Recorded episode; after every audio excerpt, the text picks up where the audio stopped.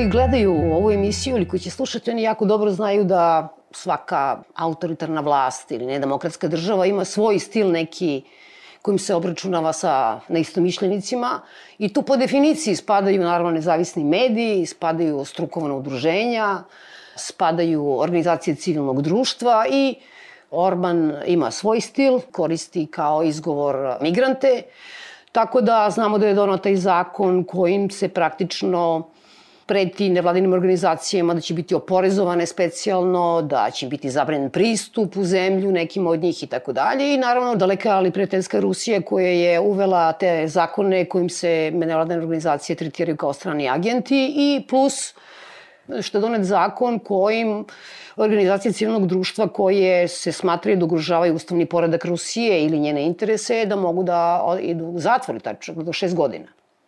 Te sintagme strani plaćenici ili unutrašnji neprijatelji je malo problematično u Srbiji zbog toga što je korišćena za vreme Miloševića. I s obzirom da imamo vlast koja je u velikoj meri učestvovala i, i ličnosti u to doba, onda izbegavaju da koriste oni sami te sintagme kao da su poslednjih godina prešli na jednu taktiku, osavremenili su se, tako da kažem, tako da se sve češće govori o formiranju tog jednog paralelnog sistema, Dakle, gde imate lažne firme, lažne vlasnike, lažnu opoziciju, pa onda i gongo organizacije, kao što su nevladine organizacije, medije, strukovne udruženja i tako dalje. Sve te stvari zapravo čine jednu ponornicu, tako da kažem, koja povremeno iskoči na površinu sa različitim funkcijama. Jednom je ili da podrže vlast u nečemu, ili da napadnu nekoga ako je to neophodno, ili, što da ne, i da se uzme neki novac iz državnog budžeta. Vi ste, Maja, u građanskim inicijativima i ne samo vi, ali sa oslanjem na ono što ste vi radili, radili istraživanje, ozbiljno se bavila tim takozvanim gongo organizacijama, pa sam htela da te zamolim na početku da nam kažeš koji su nam bili kriterijumi da biste nekoga nazvali ili označili kao vladinu, nevladinu organizaciju, kako da kažem, ja ih često zamišljam kao kaskadere koje glume, glavne glumce koji ne mogu da se pojave baš u svim scenama. Šta je dakle bio kriterijum da biste ih nazvali gongo organizacijama? Gde se najčešće pojavljuju i e, šta smatraš da je šteta koju su već e, naneli ili nanose prethodnih godina? Čini mi se da je najveći problem da oni u, u Srbiji glume građane koji e, su se udružili i hoće nešto od države. I onda na taj način ne samo da, kako da kažem, udaraju šamar svima, svim građanima koji pokušavaju nešto stvarno da promene, da li je to socijala, da li je u oblasti medijima, da, medija u oblasti pravosuđa i sve ostalo, onda sve to gubi smisao. Jer ako vi imate u istom trenutku neke, neke ljude koji se prave da zastupaju građane, koji u stvari zastupaju vlast, ali iz pozicije građana, građana, onda čini mi se da to pravi neku maglu gde mi svi ne možemo da se snađemo. I ove grupe se javljaju pre svega, mi smo prvo naišli, to je jedna karakteristika na koju smo prvo naišli, jeste to kreiranje radi e, pranja novca. I to je bilo 2015. može i Danilo malo kasnije malo više da kaže o tome 2015. kada je 2 miliona evra budžetskih para dato tim organizacijama koje se nisu se bavile socijalom niti uslugama socijalne zaštite, ni bilo, bilo koji na, način, čak neki od njih nisu ni postojale pre uspostavljanja samog konkursa. Drugi kriterijum koji smo nalazili jeste to da su one uspostavljene uh, u poslednje vreme i da uh, veoma često te organizacije na prvom svom događaju imaju predstavnike vlasti. Bilo ko ko prati civilno društvo na bilo koji način, civilno društvo je konstruktivna kritika vlasti i vlast ne voli baš mnogo da, da se pojavlja na njihovim skupovima i nama je prilično uvek teško da dovedemo nekog iz vlasti da kaže svoju stranu ili da, da se razgovara konstruktivno o bilo kojoj temi, a oni su uvek tu da otvore prvi skup i da nekako na taj način odmah objave da neka nevladna organizacija ili organizacija civilnog društva postoji.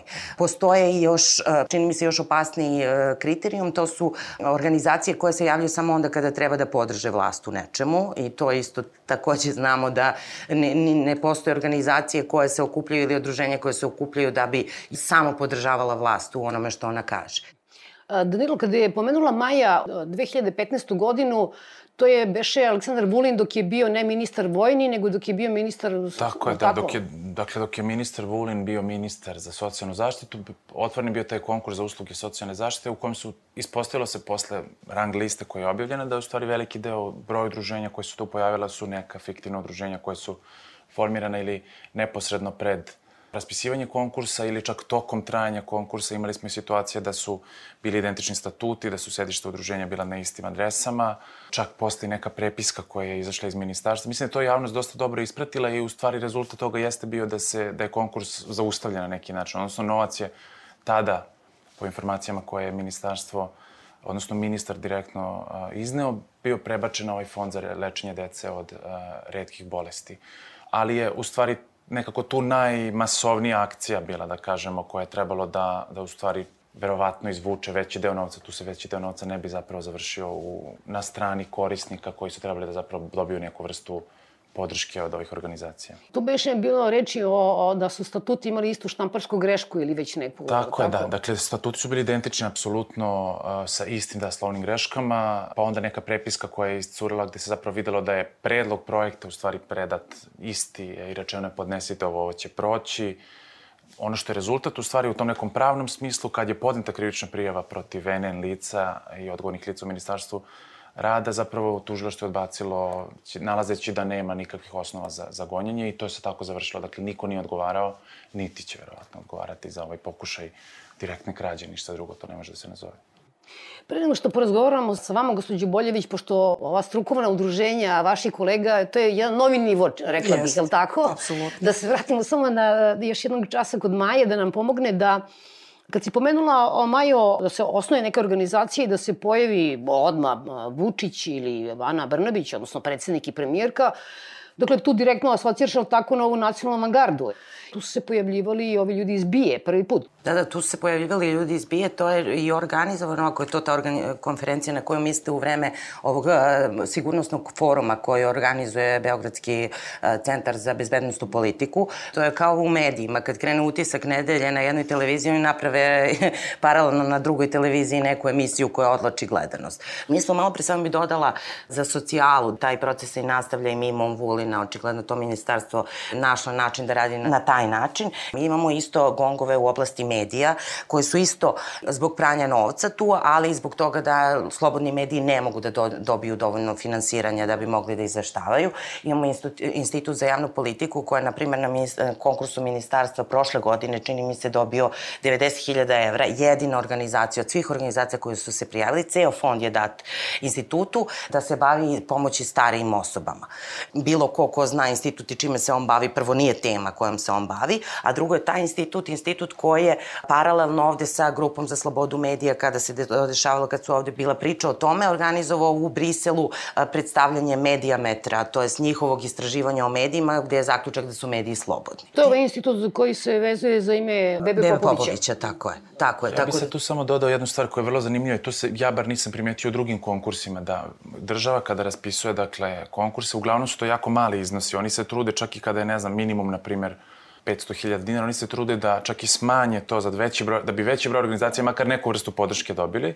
I onda ovde imate ovu situaciju koja je potpuna suprotnost i tako jedna radikalna suprotnost u stvari, gde čitav konkurs odvlači na jednu organizaciju. Da, bez najave svom... prethodno da je to, ta, da je to će je. se dobiti jedna organizacija, što jeste mogućnost, ali je nije, nije bilo u konkursu. Dakle, imamo taj simulakrum koji se pravi od organizacije koje se bave e, borbom protiv korupcije, navodno. Druga stvar su naravno mediji.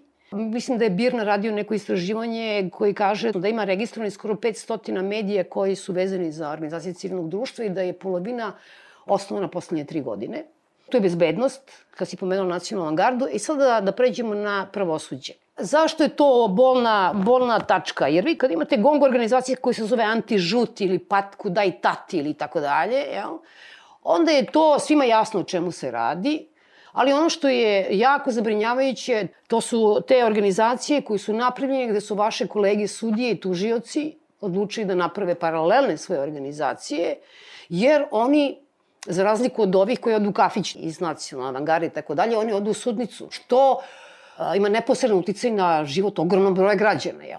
Da li može da se kaže da je nekakav novi nivo nastao onog momenta kada se desilo jedno čudo praktično u Srbiji, a to je da je najveći deo profesionalnih udruženja koje okupljaju sudije i tužioce, i ne samo njih, nego i advokate, rekao ne ustavnim reformama i da su smatraju da im je potrebno da se pređe na formiranje udruženja koja zaista teško da se mogu nazvati nezavisni. Moram reći i odati priznanje da je to bio jedan proaktivni proces i dosta ovaj, kreativni sa stanovišta Ministarstva pravde. U stvari, kad smo krenuli u taj konsultativni proces, mi smo već imali saznanje da postoji jedna, jedan nepošten odnos e, prema konceptu države. Naime, podela vlasti i nezavisnost sudske vlasti je za njih bila problematična. I mi smo shvatali iz dotadašnjih istupanja predstavnika političke vlasti, da tako kažem, da kod njih ne, oni ne mogu da izgovore nezavisnost sudstva. Oni istovremeno uvek moraju da kažu i odgovornost. Vi možete da budete odgovorni samo ako ste nezavisni. Ako ste zavisni, onda vi niste odgovorni, onda je odgovoran onaj od koga ste zavisni.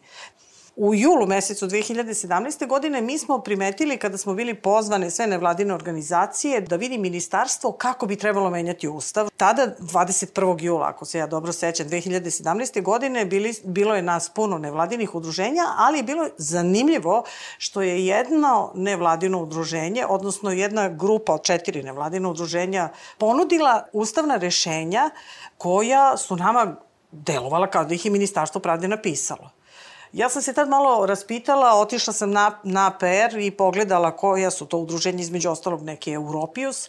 On je bio krajem marta te godine formiran, znači svega 2-3 meseca i bilo je zanimljivo što ga je vodila u to vreme savjetnica u Ministarstvu pravde, ona je bila zakonska zastupnica tog udruženja, tako da nam je odmah bilo jasno da tu priča nije dobra kao što je i Venecijanska komisija kasnije napisala da je to bila namučna atmosfera u kojoj su sudije i tužioci koji su iskazivali svoj stav o tome kako misle da bi trebalo da se postigne veća depolitizacija pravosuđa, bili vređani na najgori mogući način, ali su se tada i predstavnici političke vlasti opustili, pa su onda rekli otprilike da je nezavisnost uh, sudstva nepostojeća, da nema države u kojoj postoji nezavisnost, da nema države u kojoj postoji nezavisnost na tom nivou na kome postoji kod nas, da je to vladavina pravedna ideološka kategorija.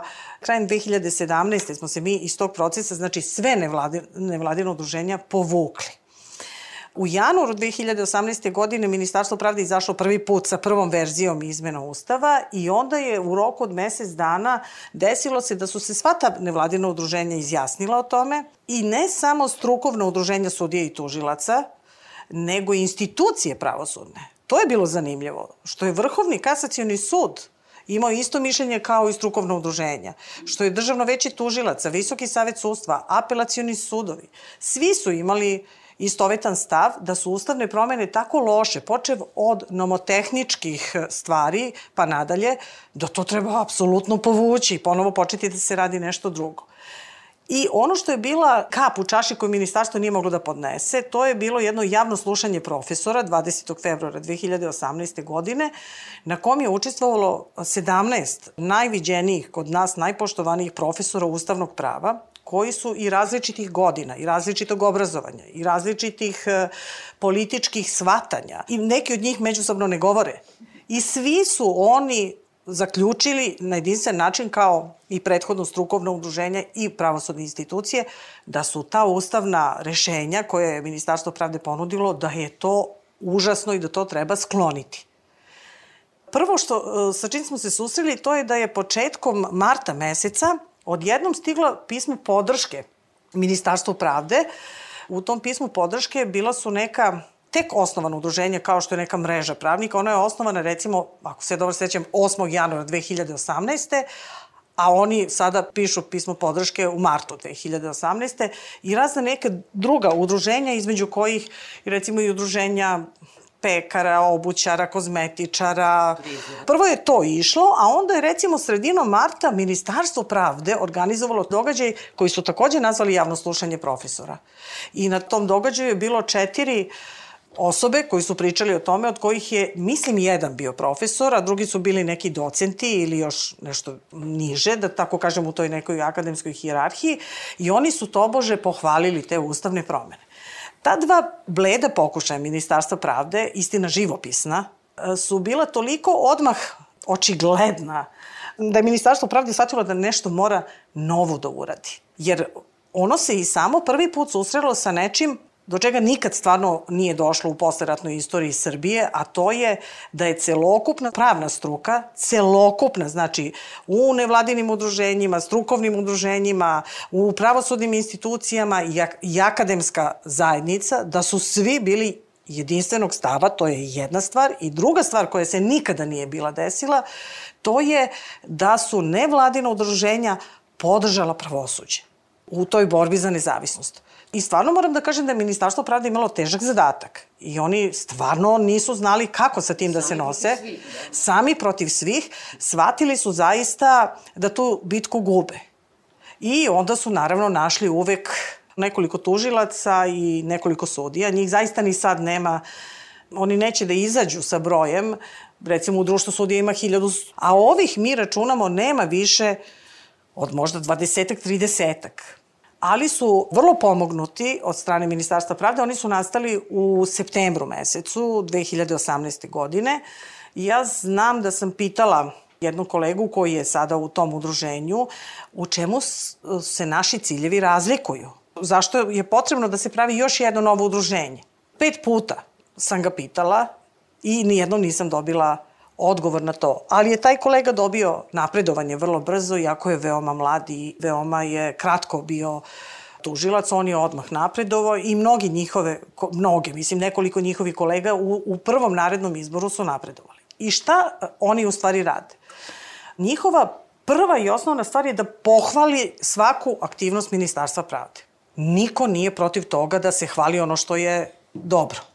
Ali je problem u tome kad ti hvališ ono što nije za hvalu, a onda za one koji kritikuju takvo rešenje, onda ti kolege, sudije i tužioce napadaš na jedan način koji unižava u stvari pravosuđe. Tako da je to jedan zatrovani krug koji vlast provodi. Ona se na, taktički uspješno bori na kratke staze, ali dugotrajno u stvari ne dobija nikakav uspeh, nego naprotiv urušava sve institucije, pogotovo u pravosuđu i e, ne dozvoljava da se uspostavi jedna stabilnost koja je preko neophodna za funkcionisanje tog sistema.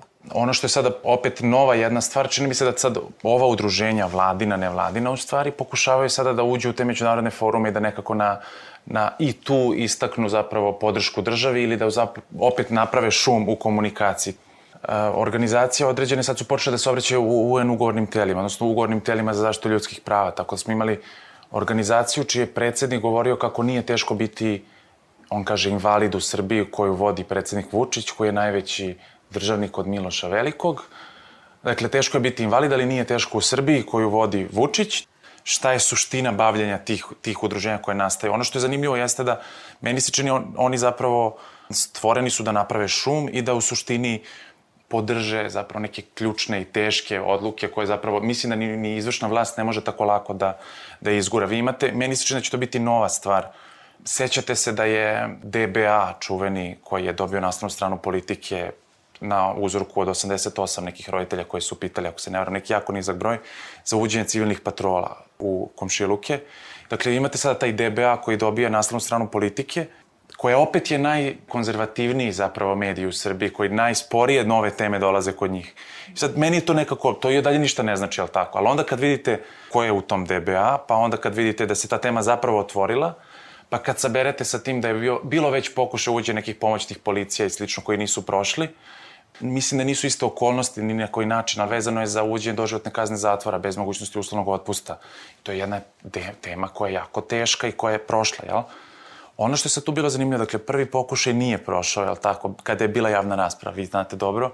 Dakle, tada nije prošlo kada je se pitala struka šta treba da uradi. Onda zapravo sada zbog jedne lične priče uh, upravitelja fondacije Tijana Jurić i oca devojčice koja je tragično nastradala, dakle, vlast nije, dakle, njoj nije bilo potrebno sada da to gura kroz gongu ili ne znam šta, samo da se nasloni u stvari na ovu ideju i da onda kaže pa evo šta vi hoćete, vas ima ovde 30 ili 50 udruženja ili ne znam koliko sudija i sudija Majić i ne znam ko, vi ste protiv, a 150.000 građana je za to. I vi zapravo ste potpuno izgubili sada priliku da razgovarate o tome zašto je to teško, jer smo se sada vratili na neki politički nivo, ja imam veću podršku, jel? I tu smo završili u stvari potpuno zatvorili temu. Dakle, ako bih ja skupio 300.000 potpisa da se sutra uvede ljubičasta voda u Beogradu, da li bi meni to vlast ispunila, jel? Jer ja sam sada pokazao da imam legitimitet. Dakle, u tom smislu vlast u stvari mora da to bude neka vrsta kočnice koja će reći ovo može, ovo ne može, ali mi se ne krećemo u tim okvirima, nego se krećemo u okvirima da vlast zapravo koristi od toga da formira udruženja, kao što je o čemu smo pričali, od toga da se nasloni, čini mi se, na ideje koje su potpuno iz drugog nekog uh, registra zapravo krenule, i vi tu onda nemate u stvari nikakvu mogućnost bilo kakvog razgovora. Mislim, ne znam šta dalje da zapravo mi pričamo zašto je teško gongo i dokle će se ići sa ovim kreativnim rešenjima, ali ne znam, pre nedelju dana, mislim da je to, meni je to vest dana, vest godine. Srpska napredna stranka je dovela lažne građane da kažu kako je njima okej okay da se trola broj 28 ukine. Mislim, to nisu lažni građani, to su građani, ali to su građani kojima je u redu da nemaju trolu. A s druge strane su bile troje predstavnika lokalne zajednice koja je zapravo protestovala i skupila nekih 8000 potpisa. I onda se to bilo kao nas ima 15, vas ima ovde troje, pa mi smo sada glasni, pa je tu bio neki incident. Pričamo o nekom dijalogu, o nekim javnim raspravama, o nekim, kako da kažem, instrumentima koje bi podrazumevali makar neko minimalno uvažavanje i ono da nema džidanja ko na klikerima, da kažemo. A onda s druge strane imate neko ko je spreman da dovede ljude koji će reći ne, nama je u redu da nam se ukine trola sad to je jedan mali lokalni problem, ali zapravo čini mi se na nekom da, opštem nivou. Da, da. Ja mislim da to isto nije, nije, nisu samo te stvari, znači mi, i oni to rade na svakom, na svakoj temi. Mi smo imali, na primer, tribinu ovo, odbranimo reke Stare planine, koja je bila u kući ljudskih prava gde su se pojavili ljudi iz Paraćina koji su protiv njih I sad nema protiv njih, zašto protiv njih, nego piše ono kako se ovi kradu pare, to piše na transparentno i sad oni stoje tu. Znači ti tačno vidiš da oni koriste te građane koji nemaju mogućnost prvo da saznaju više informacija, drugo, veoma su lako iskorišćeni nekim sitnim parama ili sitnim stvarima koje se njima daju da dođu tu i da nešto kaže. Oni bukvalno koriste naj, naj uh, ugroženije slojeve stanovništva da se, da, da oni budu njihov, njihova, ne znam šta je to, to je ono topovsko meso. I meni je to najstrašnija stvar, da se na taj način koristi. To sve sada e, funkcioniše kao veoma razrađen mehanizam. Znači, to, ja bih to nazvala organizovanim kriminalom. Ako ti imaš ekipu ljudi u svakoj oblasti, znači, da li su mediji, da li je kultura, da li je pravosuđe, da li je usluge socijalne, imaš grupu ljudi koji imaju svoj zadatak, da li da peru novac, da li da se uključuju u lažne ravne, javne rasprave, da li da dolaze na neko mesto da pokazuju da su to što nisu. Znači, cela ta, cela da- ta struktura ima toliko ubitačnu, ubitačno dejstvo, zato što ukida ne samo samo dijalog, ona ubija kredibilitet i integritet. Mi sad više ne znamo koja je kredibilna organizacija. Građani nisu znali ni pre toga. Zbog napada na civilni sektor 90-ih, zbog toga što mi možda nismo dovoljno vokalni sve jedno. Ali postojalo je jezgro kredibilnih organizacija koje je stvarno učestvo, koje je guralo i antidiskriminacije zakon i uspostavljanje nezavisnih institucija. Sve to pitanje da bi se desilo bez tih ljudi iz, iz struke i iz civilnog društva koji su gurali te stvari. Znači, mi sad, ljudi nemaju pojma ko je kredibilan u celoj toj priči. Nama sad pre, u oktobru izlazi Mario Spasić iz ove organizacije koje ste pomenuli, koja se zove isto kao transparentno sa još nekim dodatkom, koji izlazi i kaže da e, tužilaštvo mora da proširi istragu protiv Aleksandra Obradovića na to da li je on izdavao, davao podatke stranim e, službama ili organizacijama ili ovo ono. I onda imate te medije koje su Pink ili Informer kao štampani i sve oslo, koje automatski preuzimaju to. I onda više, ne znam šta bi Pink javljao da nije vez vest da je Mario Spasić rekao to, da je, da je ovaj Nenad Stefanović, kako vam se zove, ovaj, ova paralela, da je rekao to, znači vi onda imate, to krene, onako malo puste te informacije, tu u bilo kojoj oblasti onda krene da se kotrlja i postane ogromna stvar ko kojoj se sad izveštava na potpuno drugačiji način. Mi imamo veliki broj organizacija koje su se uključile u praćenje izbora sad. Znači mi smo i to pravo izgubili, zato što se koriste i ti mediji i ti gongovi u izbornom i predizbornom sistemu, koriste se lažni mediji, koristi se sve da se, da se u stvari pravi nefer izborna trka. I vi ako imate nefer izbore, imate nefer debate, imate nefer, imate ceo sistem koji više nije vaša država. Imate državu izvan nas na kojoj mi prestajemo i gubimo svaku mogućnost da utičemo praktično imamo neke od tih organizacija civilnog društva koje ne bez razloga godinama imaju nekakav ugled. Sada koje se tehnika koristi. Znači, oni dobiju neke svoje pandane, neke svoje senke, jel? koji sada idu za njima i uh, prvo njih dezavuišu, a onda stvaraju tu zabunu. Ti ne znaš koja je transparentnost. I ovo je transparentnost, i ovo je transparentnost, jel? Pa ja mislim da je to bukvalno prvi cilj, da se, da se nađe, da se stvori neki šum i da se dezavuišu te organizacije koje stvarno postoje i nešto rade. Znači, vi pravite javnu debatu koja nije u stvari javna debata, ali uključite različite ljude. Mislim, ovo naročito za pravosuđe. Oni su imali istog čoveka koji je išao s jedne javne debate po Srbiji na drugu javnu debatu i, i javljao se za pitanja. znači, potpuno je sulud. Jedna stvar koja uvijek je kao banalna, pa ne, ne pominjemo je često. Javne poruke su jasne. Ako, ako nisi sa mnom, ti si protiv mene i bit ćeš kažnjen. Kad tad? Kako, kako tako? Odnosno, bit ćeš nagrađen. To je poruka koja se šalje. Ja mislim da prenebregavamo činjenicu da se na taj način iz državnog budžeta isisava ogromna količina novca. Pa tako je, to sada zamislite na svakoj od, ne znam, medijskih konkursa na lokalnom nivou. Od, vi, vi ovde imate, sad kod socijalne zaštite je stvar takva da je zakonom omogućeno da organizacije mogu da pružaju Znači, udruženja građana mogu da pruže usluge, neke, licen, gde su licencirane, mogu da pruže usluge socijalne zaštite. I onda kad je to otvoreno kao mogućnost, slično kao sa projektnim finansiranjem u medijima, vi vidite u stvari onda kako se taj sistem centralno u stvari koristi za bukvalno isisavanje novca iz, iz budžeta. I ono što je sad tu najzanimljivije, to je da to ne prestaje u stvari. Dakle, to su sad i konkursi za kulturu u gradu Beogradu, to su medijski, gde god krenete da kopate, vidite da to tri, četiri neke, neke kompanije koje nešto dobijaju, neke zapravo medijske kuće. I to su sada stvari u kojima mi ne vidimo način da se to, ja ne vidim kako se to zaustavi, da se zaustavilo, ne znam, nije. Ovo nije priča o tome da udruženje, sada mi imamo ja, neko je drugi se pojavio pa sad glumi da je kao mi. Nije stvar u tome. Ovo je instrument koji se koristi da zapravo urušite neke slobode koje su do sada osvojene u ovoj zemlji. Jel? Dakle, to nije ništa drugo taj gongo nije nastao da bi, ne znam, unapredio, unapredio bilo šta. On je samo jedan instrument koji se koristi kao paradržavni agent, zapravo ne državni agent. I tu je zapravo i, i teško da se, da, se, da se bavimo sa time, zato što kako ti tu možeš da u stvari sada nađeš nekog, pa da mu kažeš onda, e pa ti si gongo, on kaže pa nisam i ti si onda gongo, oboje smo u APR-u, statuti, sve javno, imam pravo na mišljenje, jel? Ja bih samo dodala da uh, se u nekom trenutku steknu uslovi da se stvari suštinski promene. I ako se uh, taj moment ne iskoristi, onda čekamo mnogo dugo na to. Recimo, uh, u Srbiji je 2012. godina bila prelomna što se tiče pravosuđa.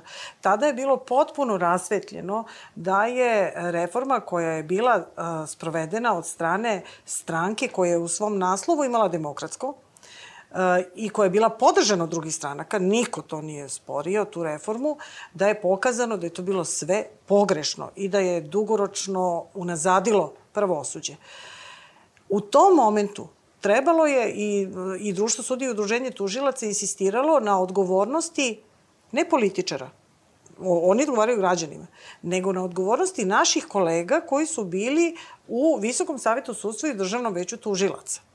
Znači, na njima, nama su smetale sudije i tužioce koje su pogazile svaki princip vladavine prava. I mi smo zahtevali da one budu pozvane na odgovornost. Ja sam bila prisutna na sastanku kod tadašnjeg novog predsedni, e, ministra pravde, Selakovića, i nisam bila sama na tom sastanku, pa znači ima svedoka koji to mogu da potvrde, e, koji je rekao da sad on mora e, podhitno da vrati sudije na posao, razrešene sudije i tužioce.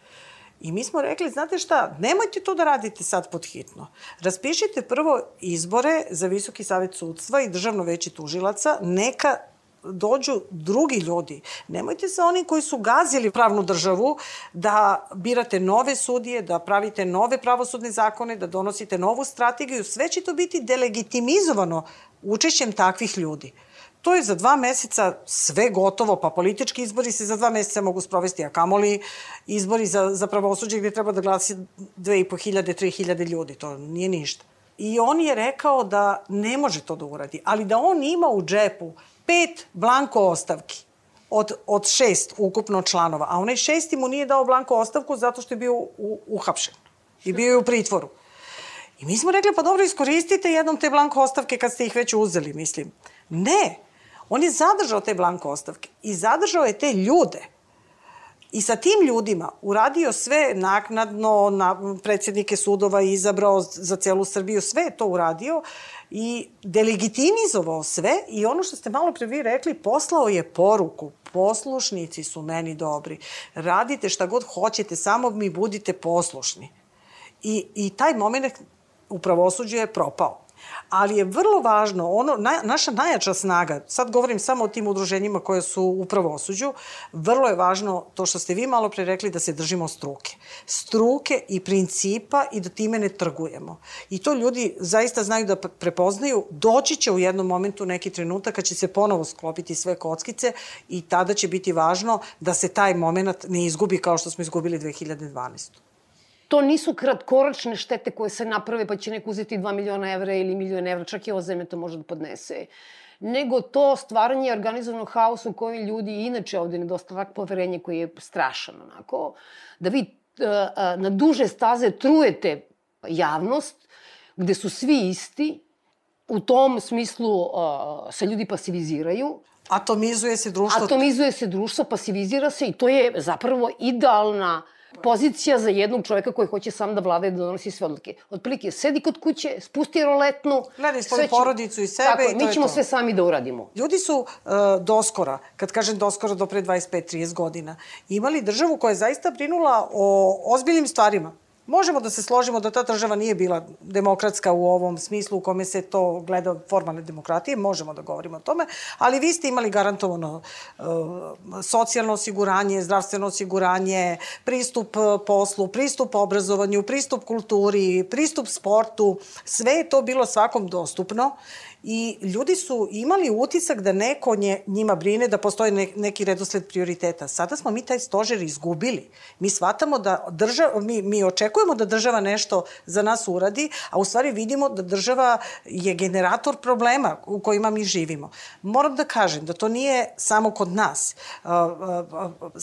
Problem je sa, tom, sa tim neoliberalnim konceptom. Ja sam skoro bila na sastanku uh, sudija u Španiji, gde smo razgovarali o različitim stvarima. Između ostalog sam bila impresionirana uh, situacijom koja, koja nam je tamo objašnjena da postoji u, u, u relativno nova odredba u njihovom zakonu o radu u Španiji u kojoj stoji da poslodavac može da da otkaz radniku koji je u protekla dva meseca odsustvovao 20% radnih dana ili u protekla četiri, četiri meseca 40% radnih dana i u situaciji u, da je to odsustvo bilo opravdano. To znači imate grip i vi posle toga dobijate otkaz.